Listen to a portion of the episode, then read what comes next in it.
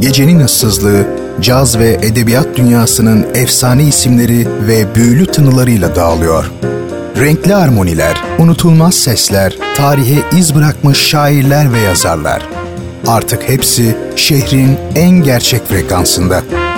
Leyla Ceren Koç'la Caz Bulvarı her pazar 23'te 93.5 Radyo Gerçek'te. Caz Bulvarı başlıyor.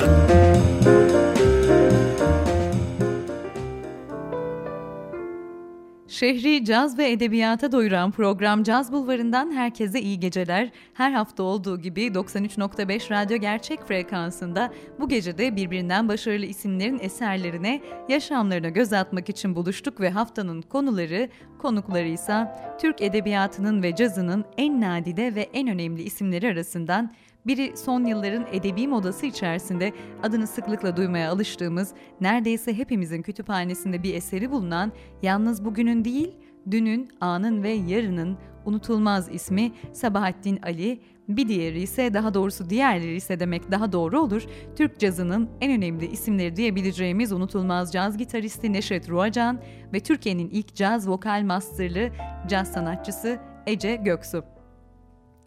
Ve Caz Bulvarı dinleyenleri bilir, bu hafta yine Samsun Devlet Opera ve Balesi'nde 26 Ocak'ta gerçekleşecek olan Barok Gecesi konserine 2 adet çift kişilik davetiye vereceğim. Gecede Giovanni Battista Pergolese'nin Stabat Mater adlı eseri seslendirilecek. Bu güzel akşama davetli olmak isteyenlerin ise programı dikkatle takip edip ilerleyen dakikalarda soracağım soruyu bilmeleri yeterli olacaktır. Evet sevgili radyo gerçekten dinleyenler vakit kaybetmeden Ruacan ve Göksu'nun Slow Hot Wine albümünden ki tüm gece ikilinin bu güzel albümünden seçme şarkılar dinleyeceğiz. Açılışımızı da Close Your Eyes'la yapıyoruz. Caz Bulvarı başlıyor. Hoş geldiniz. Evet sevgili radyo gerçek dinleyicileri bu hafta yurt dışından biraz yurt içine dönüş yapacağız ve kendi ülkemizde kendi topraklarımızın iki değerli sanatçısından bahsedeceğiz. Neşet Ruacan ve Ece Göksu'dan. Ece Göksu çok genç ve inanılmaz yetenekli, muhteşem bir ses ve yoruma sahip nadir caz vokal sanatçılarımızdan biri. Ancak Neşet Ruacan için kelimelerim yetersiz kalıyor elbette onun ancak e, onun için ancak bir duayen e, diyebilirim. Türkiye'de caz yapmak oldukça zor bir iş hepimizin bildiği gibi.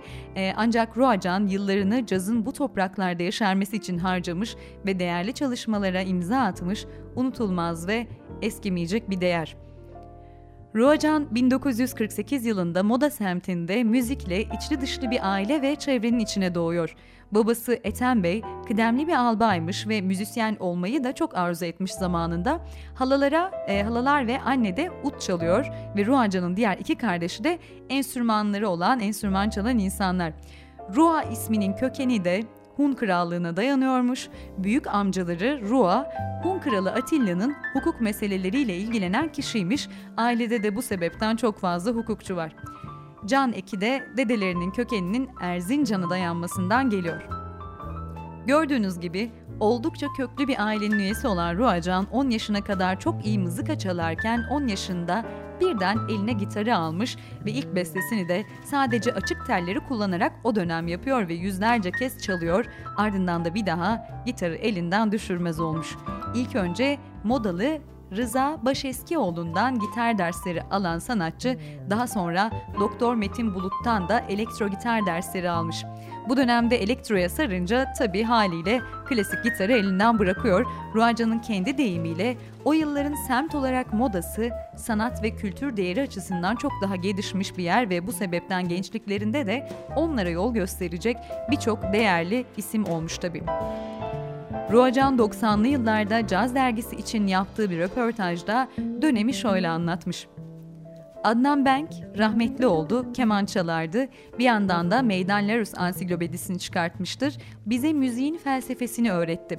Neyi dert edip neyi etmeyeceğimizi ondan öğrendik. Şadan Çaylıgil, Grunding teybine yaptığımız müzikleri kaydeder, bize dinletirdi.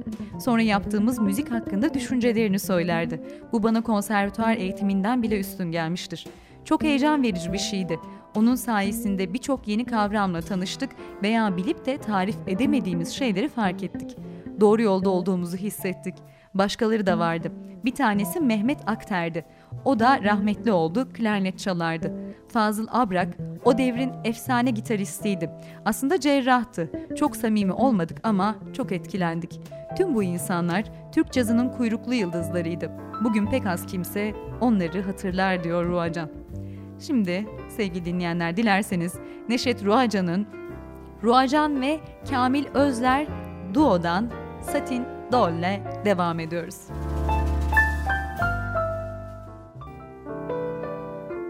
Neşet Ruacan bir elektro gitar, bir klasik gitar derken cazın etkisine kapılıp klasiği tamamen bırakıyor ve artık bu yolda ilerlemeye karar veriyor. İlk grubu Vahşi Kedileri Kadıköy Marif Koleji'nde okuduğu yıllarda kuruyor ve çoğunlukla Shadows, Cliff Richard gibi günün popüler müzisyenlerinin parçalarını çaldıkları grup, grup üyeleri de Arda Uskan, Selçuk Oskay ve Murat Sümen grubu birlikte kurmuşlar aslında. Bu dönem sanatçı Ergun Özer ve Şerif Yüzbaşıoğlu'nun dikkatini çekmiş ve kendisine çok değerli iltifatlarda bulunmalarının ardından Ruacan profesyonel olmaya karar vermiş ve bir yandan da askerliği ertelemek için derse devam etmenin gerekmediği bir yüksek okula yazılmış. Erol Büyükburç, Şerif Yüzbaşıoğlu, Yalçın Ateş ve Süheyl Denizci ile çalışıyor bu dönemlerde.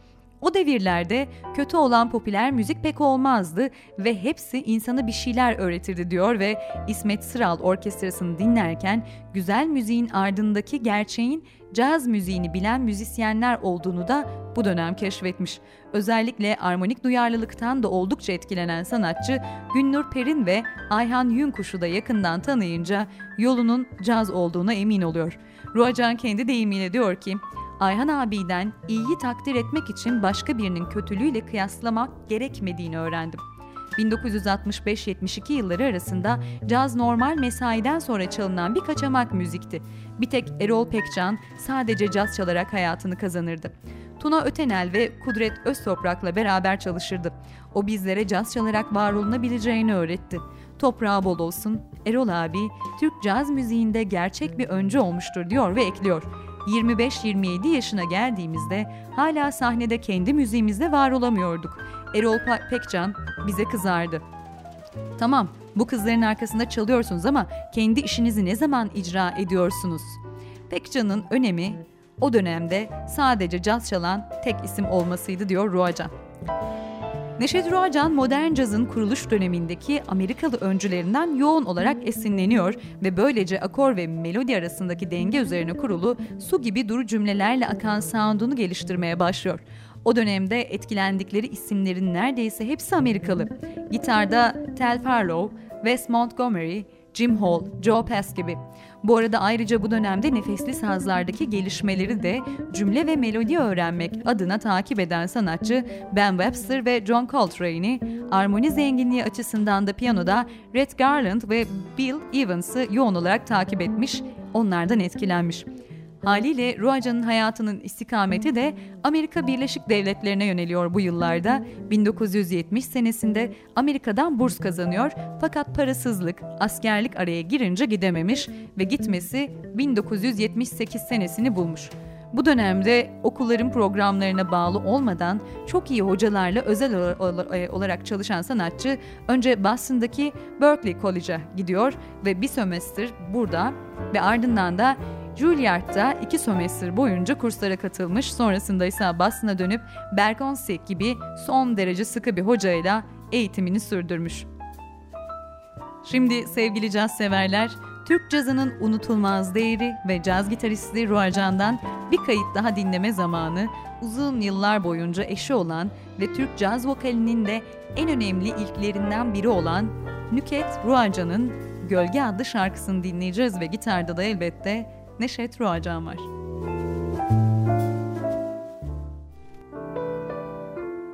Neşet Ruacan dünyanın çeşitli yerlerinde caz müzisyeni ve stüdyo gitaristi olarak birçok önemli sanatçıyla yüzlerce stüdyo kaydı yapmış ve 1985'te katıldığı TRT İstanbul Radyosu Caz Orkestrası'nda bulunmuş ve 1996'dan itibaren de çok uzun yıllar bu orkestranın şefliğini de yapmış. Ruacan'a göre hiçbir sanat form anlaşılmadan anlaşılamaz. Bu sebepten de cazın formları, işleyiş protokolü, soloları için ön bir çalışma ortamı iyi olabilir. Bu da konserlere gelerek sorarak, soruşturarak olur diyor. İyi bir caz sanatçısı ile ilgili düşüncelerini ise e, şu şekilde dillendirmiş. Caz müziğiyle uğraşan bir insan herhangi bir insandır. Onun neyle uğraştığını baktığınızda tipinden, suratından anlamamanız gerekir. Çünkü cazın bir aksesuara veya başka bir şeye ihtiyacı yok. Cazcı gibi giyinmek diye bir şey yok. İnsan neyse caz müzisyeninin de o olması lazım. Cazcı her an, her şekliyle, etrafındaki her şeyle gerçek bir iletişim halindedir. Basit ve keskin bir şekilde söyleyeyim ki bugün dünyada kendi müziğimi yapıyorum diyebilecek tek müzisyen caz müzisyenidir. Diğerleri bunu söyleyemez. Dün bestelediği parçayı bugün kendisi çalan bir insan bile dünkü kendini çalıyordur. Ama bu durum dün bestelediği şekilde çalıyorsa geçerlidir. Eğer onu caz gibi çalıyorsa o zaman kendi müziğini yapıyor demektir.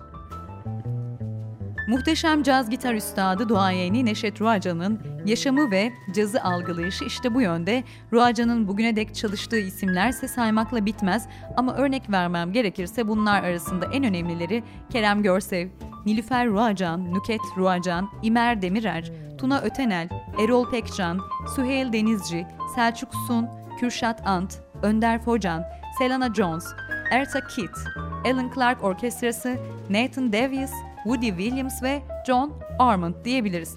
Ve bir de tabii ki bu gece sizlerle bolca ikilinin kayıtlarını da paylaşacağım isim Ece Göksu. Dilerseniz biraz da Ece Göksu'dan bahsedelim. Ece Göksu müzisyen bir ailenin çocuğu olarak Ankara'da dünyaya geliyor ve henüz 5 yaşından itibaren piyano dersleri almaya başlıyor ve ardından da Ankara Devlet Opera ve Balesi Çocuk Korosu'nda şarkı söylemeye de başlamış. 11 yaşında Hacettepe Üniversitesi Devlet Konservatuarı piyano bölümüne giren sanatçı, üniversite yıllarında caz müziğine olan ilgisi sayesinde ilk grubunu kuruyor. 2002 yılında İstanbul'a taşınmış ve 2005 senesinde de Mimar Sinan Üniversitesi Devlet Konservatuarı'nın piyano bölümünden mezun oluyor. İstanbul'da şehrin en önemli caz kulüplerinden biri olan Çırağan Sarayı'ndaki Q Jazz Bar'da söylemeye başlayan Göksu, Nardis, İstanbul Jazz Center gibi şehrin önemli kulüplerinde ve ayrıca İstanbul Uluslararası Caz Festivali, Afyon Uluslararası Caz Festivali gibi önemli festivallerde de sahne almış. Aynı zamanda birçok reklamın, televizyon ve radyo jingle'larının da e, o jingle'larda da onun sesini duymanız oldukça olası. Sanatçı 2007 yılında Fulbright bursunu kazanıyor, sanat ve eğitimine Amerika Birleşik Devletleri'nde devam etmeye karar veriyor ve William Peterson Üniversitesi'nden de burs alarak New Jersey'de caz vokal master'ına başlıyor. Tezini ise Billie Holiday'in kompozisyonları üzerine yazmış ve bu tez kitap olarak UMI Procuse tarafından basılıyor. Amerika Birleşik Devletleri'ndeki yaşantısı ise adım attığı andan itibaren eğitim hayatının yanı sıra önemli venülerde hala konserler vererek devam etmiş.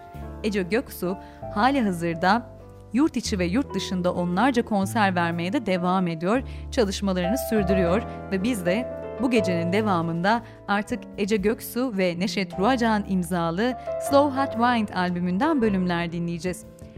23. Akbank Jazz Festivali'nde verdikleri duo konser sonrası bir albüm kaydetme fikriyle yola çıkan Ece Göksu ve Neşet Ruacan'ın Volkan Hürsever'i aralarına alarak kaydettikleri Slow Hot Wind isimli albüm Ada Müzik etiketiyle çıkmış. Albüm içinde Antonio Carlos Jobim'den Charlie Parker'a, Duke Ellington'dan Cole Porter'a caz tarihinin en önemli bestecilerinin şarkılarını ve kayıtlar sırasında ortaya çıkan Neşet Ruaca'nın E.G. Blues adlı parçasını bulunduruyor. Albüm Ada Müzik Stüdyolarında İhsan Apça ve Özkan Mete tarafından kaydedilmiş, henüz bilmeyenler ve keşfetmeyenler için harika bir müzik ziyafeti bu gecenin devamında radyonuzun diğer ucunda olacak, Caz Bulvarı'nda tabii ki. Evet sevgili Caz Bulvarı dinleyenleri 93.5 radyo gerçek frekansında radyonuzun diğer ucunda ben Leyla Ceren Koç'la birliktesiniz ve programın başında söylediğim gibi Samsun Devlet Opera ve Balesi 26 Ocak Barok Gecesi konseri için çift kişilik davetiye vereceğim bu gece iki kişiye. Bir saat kadar sürecek olan konserde Giovanni Battista Pergolesi'nin Stabat Mater adlı eseri seslendirilecek güzel bir cuma gecesi için huzurlu ve sakin bir başlangıç olabilir. Haftanın yorgunluğunu atmak için harika bir fırsat diye düşünüyorum ve bu fırsatı değerlendirmek isteyenlerin şimdi soracağım soruyu doğru yanıtlamaları yeterli olacak. Sorum şöyle. 23. Akbank Jazz Festivali'nde gerçekleştirdikleri duo performans sonrası bir albüm kaydetme fikriyle yola çıkan ve yanlarına Volkan Hürsever'i de alan Neşet Ruacan ve Ece Göksu'nun 29 Aralık 2014'te Ada Müzik'ten çıkan albümlerinin adı nedir? Cevaplarınızı leylacerenkoc.gmail.com adresine göndermeniz yeterli sevgili dinleyenler. Evet şimdi Neşet Ruacan ve Ece Göksu'nun güzel albümüyle yola devam ederken sıra geldi haftanın edebi yüzüne Sabahattin Aliye ve yaşantısına. Sabahattin Ali 25 Şubat 1907 tarihinde Edirne vilayetinin Gümülcine sancağına bağlı Eğridere'de doğuyor. Babası Ali Selahattin Bey, dönemin entelektüel kesiminden olan Tevfik Fikret ve Prens Sabahattin'le olan dostluğundan dolayı çocuklarına bu kişilerin isimlerini vermeyi düşünmüş ve bu doğrultuda da ilk oğluna Sabahattin, ikincisine ise Fikret ismini veriyor. Sabahattin Ali 7 yaşına geldiğinde İstanbul'da Üsküdar'ın Doğancılar Mahallesi'nde Hüyuzat-ı Osmaniye Mektebi'ne başlar. Aynı dönemde Ali Sebahattin Bey'in Çanakkale'ye tayini çıkınca ailece oraya taşınırlar ve Sabahattin ilk öğrenimine Çanakkale İptidai Mektebi'ne devam ederken seferberlik ilan edilince de okul öğretmensiz kalıyor ve kapanıyor. Ancak daha sonraları Ali Selahattin Bey'in çabalarıyla okul tekrar açılmış. Sabahattin Ali'nin annesi 16 yaşında evleniyor ve ruhsal sorunlardan ötürü defalarca intihara kalkışan bir kadın. Yazarın Edremit'ten çocukluk arkadaşı olan Ali Demirel, anne Hüsniye Hanım'ın çok sinirli bir insan olduğunu ve diğer oğlu olan Fikret'e daha fazla yakınlık gösterdiğini söylemiş. Ayrıca bir hatırasında Edremit'teki İptidai Mektebi'nde okurken yazarın dış çevreye kapalı bir görünüm verdiğini belirterek o günlerde Sabahattin Ali'nin arkadaş ortamlarında oynanan oyunlara katılmadığını, kendi halinde takılmayı tercih ettiğini, ya eve gidip kitap okuduğunu ya da resim çizdiğini söylüyor. Buna karşın Sabahattin Ali kesintilere rağmen başarılı da bir öğrencilik geçirmiş. Yazarın edebiyata ilgisi lise döneminde artık iyice ortaya çıkıyor ve 1922-1923 ders yılının başında Balıkesir Muallim Mektebi'ne kaydolan Ali, burada şiir ve hikaye deneyimlerini geliştirmeye başlayarak okulun ikinci yılında gazete ve dergilere yazılar göndermiş. Ayrıca arkadaşlarıyla da birlikte bir okul gazetesi çıkarıyor. Bu okulda geçirdiği süre içerisinde yazarın tüm sanat dallarına ilgisi birebir olarak gelişmiş. Sanata ve serbest bir yaşama daha fazla özenen Sabahattin Ali, okulun disiplinli ortamından sıkılıp fırsat buldukça kaçarak sinema ve tiyatroya gitmeye başlıyor. Bunun farkına varan okul müdürü ise kendisini ailesinin yanına göndermekle tehdit edince sonuç tatsız oluyor ve Sabahattin Ali intihar etmeye kalkışıyor. Kendisinin blöf olarak nitelendirdiği bu intihar girişimi arkadaşı ve öğretmenleri sayesinde de engellenmiş ardından da okul müdürünün de desteğiyle İstanbul'a naklini aldırmayı başarmış. Bu dönemlerde edebiyat öğretmeni olan Ali Canip Yöntem'in desteğiyle Çağlayan ve Akbaba gibi dergilere şiir ve hikayeler gönderen yazar 21 Ağustos 1927 tarihinde de öğretmenlik diplomasını alıyor. Sabahattin Ali öğretmenlik diplomasını aldıktan sonra Ankara'da bir hastanede baş tabip yardımcısı olarak görevini sürdüren dayısı Rıfat Ali Ertözü'nün yanına gitmiş. Dayısının Yozgat Devlet Hastanesi'nde başhekimlik görevi için tayini çıkınca yeğenini yanına almak isteyen Ertözün dönemin mebuslarından Cevat Dursunoğlu ile görüşüyor ve yeğenini Yozgat Merkez Cumhuriyet İlkokulu'na öğretmen olarak atanmasını sağlıyor. Sonrasında ailece Yozgat'a geçiyorlar. Burada yazarın çevresi dayısının da etkisiyle gelişmiş. Fakat burada kendi söylemiyle yazdığı şiirleri ve hikayeleri okuyacak, kendisini anlayacak kişiler bulmakta zorlanıyor yazar. Buradaki durumunu İstanbul'daki yakın arkadaşı olan Nahit Hanım'a yazdığı 24 Kasım 1927 tarihli mektupta sitemli bir şekilde anlatır ve yalnızlığından şikayet eder. Nahit Hanım öğretmenlik stajında tanıştığı Sabahattin Ali'nin sevdiği kişilerden biridir. Önce dostluk havasında yürüyen arkadaşlıkları zamana tek taraflı bir aşka dönüşüyor. Yozgat'ta yazdığı şiirlerin ana temasında Nahit Hanım'a duyduğu sevgi var. Servet-i Fünun dergisinin 2 Şubat 1928 tarihli sayısında yayınlanan Bir Macera adlı şiiri yine Nahit Hanım'a ithaf etmiş. Yazar karşılık görmeyen aşkını ne kazandık? Kalbimde aşkınız, ebedi, yat ve uyu, bütün insanlara ve Kudurmak adlı şiirlerinde işlemiş. Şimdi Sabahattin Ali'nin yaşamına devam etmeden evvel Ece Göksu'nun huzur dolu sesine Neşet Ruacan eşliğinde kapılmaya biraz daha devam edeceğiz. Evet, yazar Yozgat'ta geçirdiği bir yıllık süreden sonra İstanbul'a dönmek istiyor tabii ve dayısı Rıfat Ali Ertüz'ün de Ankara'da özel bir hastane açarak oradan ayrılıyor. İstanbul'a tatile giderken Ankara Milli Eğitim Bakanlığı'ndan tanıdığı kişilere uğruyor ve onlara şakayla karışık bir şekilde Yozgat'tan ayrılmak istediğini ve geri dönmesi halinde alacaklıların kendisini öldürme ihtimalinden bahsediyor. Yetkililer ise kendisinin genç bir öğretmen olmasına dikkat çekerek onu Avrupa'ya gitmeye teşvik ediyorlar. Nitekim yeni kurulmuş Türkiye Cumhuriyeti tarafından 1928 yılı Kasım ayında Almanya'ya eğitim amacıyla gönderiliyor Sabahattin Ali. Yazar 15 gün Berlin'de kaldıktan sonra Potsdam'a yerleşmiş. İlk olarak dil öğrenmek için yaşlı bir kadının evinde pansiyoner olarak yaşıyor. Daha sonra Almancasını güçlendirmek için özel bir kuruma e, özel bir kurumda kurslara başlıyor. Ayrıca Birinci Dünya Savaşı'nda Türkiye'de bulunan ve biraz Türkçe bilen eski bir subaydan da dersler almış. Yazar burada Almanya'ya giden ekipten olan Melahat Togar'la görüşmüş. Melahat Togar, arkadaşım Sabahattin Ali yazısında yazarın Almancayı tam öğrenmeden Almanca üzerinden Rus yazarlarını okuduğunu belirtiyor. Sabahattin Ali bu yönüyle ve biraz da belki bu yönü sayesinde Ivan Turgenev, Maxim Gorki, Edgar Allan Poe, Guy de Maupassant, Heinrich von Kleist, Etta Hoffmann ve Thomas Mann gibi isimleri tanımış ve onların eserlerinden de ilham almış.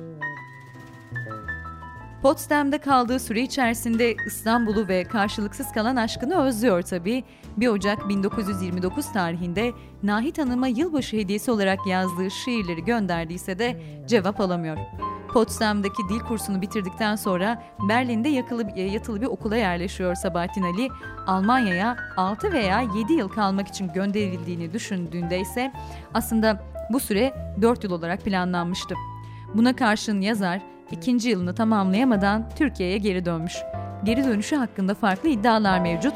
Bu iddialar Sabahattin Ali'nin Nihal Atsız'a anlattığına göre bu parazit Türkleri buradan atmalı diyen Alman bir e, öğrenciyi dövmüş olduğu veya Alman öğrencilere komünizm propagandası yaptığı şeklinde. İkinci iddiada yazarın Almanya dönüşü Nihal Atsız'la görüşmesi, Türk ocaklarını ziyaret etmesi ve Atsız mecmuada hikaye ve şiir yayımlatmış olmasından dolayı zayıf bir ihtimal dahilinde. Ayrıca yazarın bazı yorumlarında Almanları sevmediği de ifade edilmiş. Sabahattin Ali'nin Almanya'dan dönüşü 1930 yılının Mart ayı ortaları. Döndükten sonra İstanbul Yüksek Muallim Mektebi'nde yatılı okumakta olan Nihal Atsız, Pertev Naili Boratov, Orhan Şahik Gökyay ve Nihat Sami Banarlı gibi arkadaşlarının yanında kalmış. Daha sonra bu okulun müdürünün de yardımıyla Bursa'nın Orhaneli ilçesine ilkokul öğretmeni olarak atanıyor. Aynı yılın Eylül ayında ise Gazi Terbiye Enstitüsü'nde çalışan, e, açılan Almanca yeterlik sınavına giren yazar, bunun ardından da Aydın Ortaokulu'na Almanca öğretmeni olarak atanmış ve burada komünizm propagandası yaptığı iddiasıyla hakkında soruşturma açılıyor. 1931'in Mayıs ayında tutuksuz yargılanma kararı çıkacak olan mahkeme için İstanbul'a gidiyor ancak daha sonra soruşturmalar derinleşince tutuklu olarak yargılanmasına karar veriliyor. 9 Eylül 1931 tarihine kadar Aydın hapishanesinde kalan yazar serbest kaldıktan 21 gün sonra ise Konya Ortaokulu'na Almanca öğretmeni olarak atanmış. Yazarın hapishane günleri ise birbirini takip etmiş diyebiliriz yine.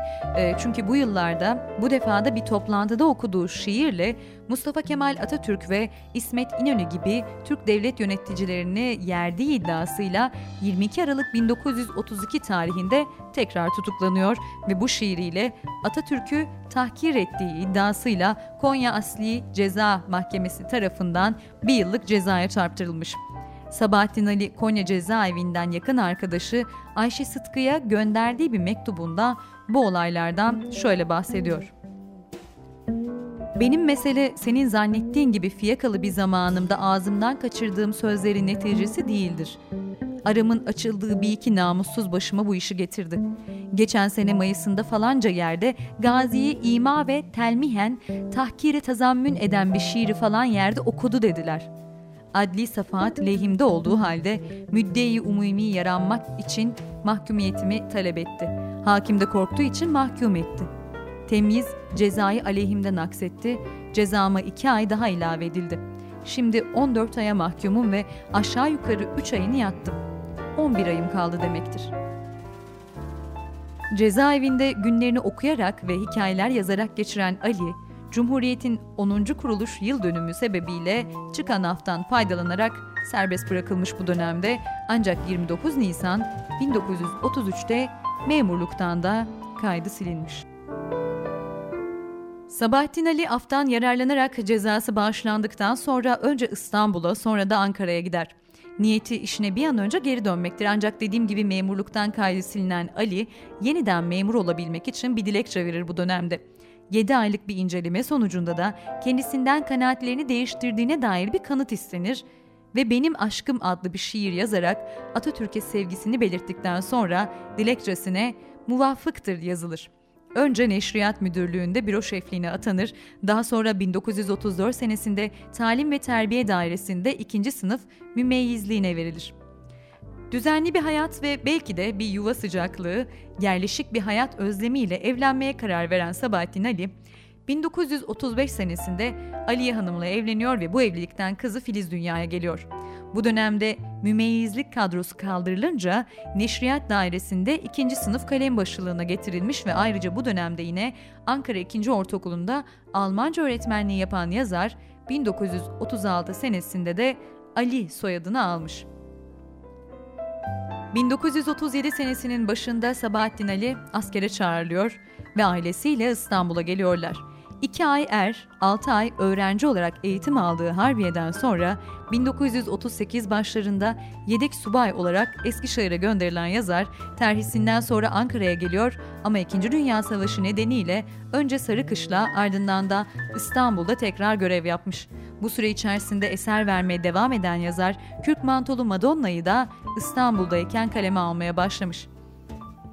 1938 senesinde Ankara Musiki Öğretmen Okulu Türkçe öğretmenliğine atanan Sabahattin Ali, daha sonra bu okulun yerini alan Devlet Konservatuarı'nda önce Karl Ebert'in asistanlığına daha sonra da dramaturgluk görevine getiriliyor. Yazar yıllar içerisinde hep gözlenen ve şüpheyle bakılan e, biri olmuş tabi. 1941 senesinde bir akrabasının düğünü için gittiği Edremit'te bir sabah gezintisi sırasında tuttuğu notlar onun casus, e, casus olarak suçlanmasına sebep oluyor. 1935-45 yılları arası en verimli dönemi olurken 1944 senesinde Nihal Atsız tarafından İçimizdeki Şeytan adlı romanından ötürü başbakana yazılan mektup ve ardından Ali'nin açtığı dava onun düzenini bozmuş. Mahkeme sonuçta Atsız'ı mahkum etse de bunu izleyen günlerde Sabahattin Ali şahsına yapılan saldırılardan yakasını kurtaramaz. Hayatını yazarlık yapma, e, yaparak kazanmaya karar verir ve konservatuardan da ayrılır. Bunun ardından tekrar İstanbul'a gelen Sabahattin Ali, Gün dergisinde hikayeler, La Turki ve Yeni Dünya gazetelerinde siyasal fıkralar yazmaya başlıyor ancak muhalif seslerin susturulduğu 1945 senesinde gerçekleşen olaylar neticesinde tekrar işsiz kalmış. Bu olaydan sonra önce Gerçek gazetesinde daha sonra Aziz Nesin ve Rıfat Ilgaz'la Marco Paşa, Malum Paşa, Merhum Paşa, Mazlum Paşa gibi gazetelerde çalışıyor. Buralarda yazdığı yazılardan ötürü hakkında neşren hakaret davaları açılmış. Topunuzun köküne kibrit suyu adlı yazının sorumluluğu da e, bu yazının sorumluluğunu da üzerine alan yazar ki kendisine ait olmadığı söylenir ve işte davalardan biri kesinleşince 3 aya daha mahkum oluyor. 1947 Eylül'ünde hapisten çıksa da adalet koridorlarında yazısından dolayı hakkında tekrar dava açılır. 19 Aralık tarihinde ise yeniden tutuklanıp Sultanahmet'te 12 gün e, daha hapis yatar. Çalmadan, çırpmadan bize ekmeğimizi verenleri aç, bizi giydirenleri donsuz bırakmadan yaşamak istemek bu kadar güç, bu kadar mihnetli, hatta bu kadar tehlikeli mi olmalıydı? diye sorar kendine Sabahattin Ali. Artık gücü kalmamıştır. Hapishaneden sonra Zincirli Hürriyet'teki yazısının da ardından kovuşturmaya uğramak artık son nokta olur ve bir kamyon alıp nakliyeciliğe başlar. Sürekli gözlem halinde olmak sokaklarda tebdili kıyafet dolaşmaya başlamasına sebep verir. Çareyi yurt dışına çıkıp hayata yeniden başlamakta gören Ali, Fransa'ya gitmek için pasaport ister fakat kendisine pasaport da verilmez. Bunun üzerine kaçma planlarına başlayan Ali, Amerika'dan getirilen baskı makinesini satarak borçlarını öder ve kalan parayı da Ankara'ya ailesine bir mektupla gönderir. Hapisteyken tanıştığı Hasan Tural isimli biri onu Ali Ertekin'le tanıştırır. Yapılan plan sonucu Edirne'ye peynir götürmek için yine cezaevinden tanıdığı şoför Salim, Ali Ertekin ve Sabahattin Ali yola çıkarlar.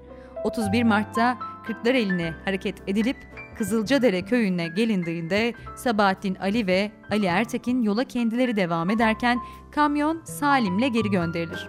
Bu tarihten sonra Sabahattin Ali'den bir daha haber alınamaz pek çok kişi onun yurt dışına çıktığını düşünürken 16 Haziran 1948 tarihinde bir çobanın bulduğu cesedin Sabahattin Ali'ye ait olduğu tespit edilir. Bulunan cesedin dağılmış olması kimlik tespitine izin ver, e, vermediğinden e, geride pek çok soru işareti kalmış tabi. 6 ay süresince devam eden incelemelerde Bulgaristan'a adam kaçıran bir şebekenin izlenmesi sırasında Ali Ertekin bu işle ilgisi olduğu gerekçesiyle tutuklanır ve ifadesinde söylediği sözler bende nefret uyandırmaya başlamıştı diyerek milli duygular içerisinde Sabahattin Ali'yi öldürdüğünü itiraf ediyor. 4 yıla mahkum olan Ali Ertekin af kanunuyla hapisten çıkarken geride pek çok söylenti kalmış bu işin arkasında kimlerin olduğu ve Sabahattin Ali'nin gerçekten kaçarken mi öldürüldüğü bugün bile üzerinde tartışılan bir konu olarak kalıyor. Sabahattin Ali'nin edebi yönelimini ise bu noktada e, daha doğrusu bir noktada babası belirlemiş ya da ciddi bir etkisi olmuş diyebiliriz. Öyle ki ilk yazdığı kompozisyonunda babasıyla çıktığı avı anlatırken kompozisyona sabah güneşin ilk ışıkları penceremize vururken diye başlayınca babasının tepkisini alır. Babası biz ava çıktığımızda daha güneş doğmamıştı. Sen nasıl olur da güneşten bahsedersin? Bu bir aldatmacadır. Yazacaksan doğru dürüst yaz. Yalan dolan istemez şeklindeki çıkışı Ali'ye ilk dersini verir nitelikte olmuş. Bundan sonra da yazarın görüşü şu şekilde gelişiyor. Diyor ki, benim kanaatimce sanat, insana insanı ve hayatı ve bunların manasını öğretmekle muvazzaftır. Sözleriyle anlatmış. Sanat anlayışını bu sözlerle ortaya koymuş. Sabahattin Ali, öykü ve roman gibi türlerde kalıcı olabilmek için seçilen karakterlerin canlı olmasını ve konuların güncelliğini yitirmeyecek türden olması gerektiğini savunuyor. Edebi eserler üzerine yapılan eski yeni tartışmasını ise lüzumsuz olarak değerlendirmiş, eserlerin iyi kötü ölçeğinde değerlendirilmesi önerisinde bulunmuş. Dilde sadeliğe de büyük önem veren Sabahattin Ali, bu düşüncesini eserlerine de yansıtmış elbette. Dergide yazdığı bazı öykülerinin kitap olarak toplanmasından sonraki hali daha sade bir görünüme sahiptir mesela. Bir mektubunda da bazı hikayelerini sadeleştirme gereği duyduğunu yazmış. Dilde sadeleşmeyi desteklemekle beraber öz Türkçe'de aşırıya gidilmesine de karşı çıkıyor. Dile yerleşen ve kalıplaşan kelimelerin kullanılmasının gerektiğini e, düşünmüş her zaman. Evet sevgili Radyo Gerçek ve Caz Bulvarı dinleyenleri, Sabahattin Ali'den elimden geldiğince sizlere bahsetmeye çalıştım. Hayatını anlatmaya çalıştım. Buraya sığmayacak birçok ayrıntıya yer veremesem de dönemimizin popüler kültürü içerisinde eritmesini ve sıradanlaştırmasını istemediğim bu değerli yazarımızın hayatına kısıtlı bir zaman diliminde olabildiğince değinmeye çalıştım. Bu gece sizlerle Ece Göksu ve Neşet Ruacan'ın kayıtlarını da paylaştım. Umarım Türk cazının bu iki muhteşem ismini de beğenmişsinizdir ve arşivinize eklemeyi de ihmal etmezsiniz. Sevgili Caz Bulvarı dinleyenleri, ben Leyla Ceren Koç'la birlikteydiniz. Haftaya pazar saatleriniz 23'ü gösterdiğinde ben yine bu adreste birbirinden değerli isimlerin yaşamlarını ve eserlerini sizlerle paylaşıyor olacağım. Tekrar buluşuncaya dek herkese güzel bir gece ve huzurlu bir hafta diliyorum. Caz Bulvarı sona erdi. Caz Bulvarı sona erdi. Bu program hakkındaki düşüncelerinizi dinleyen et radyogercek.com adresine mail atarak bize ulaştırabilirsiniz.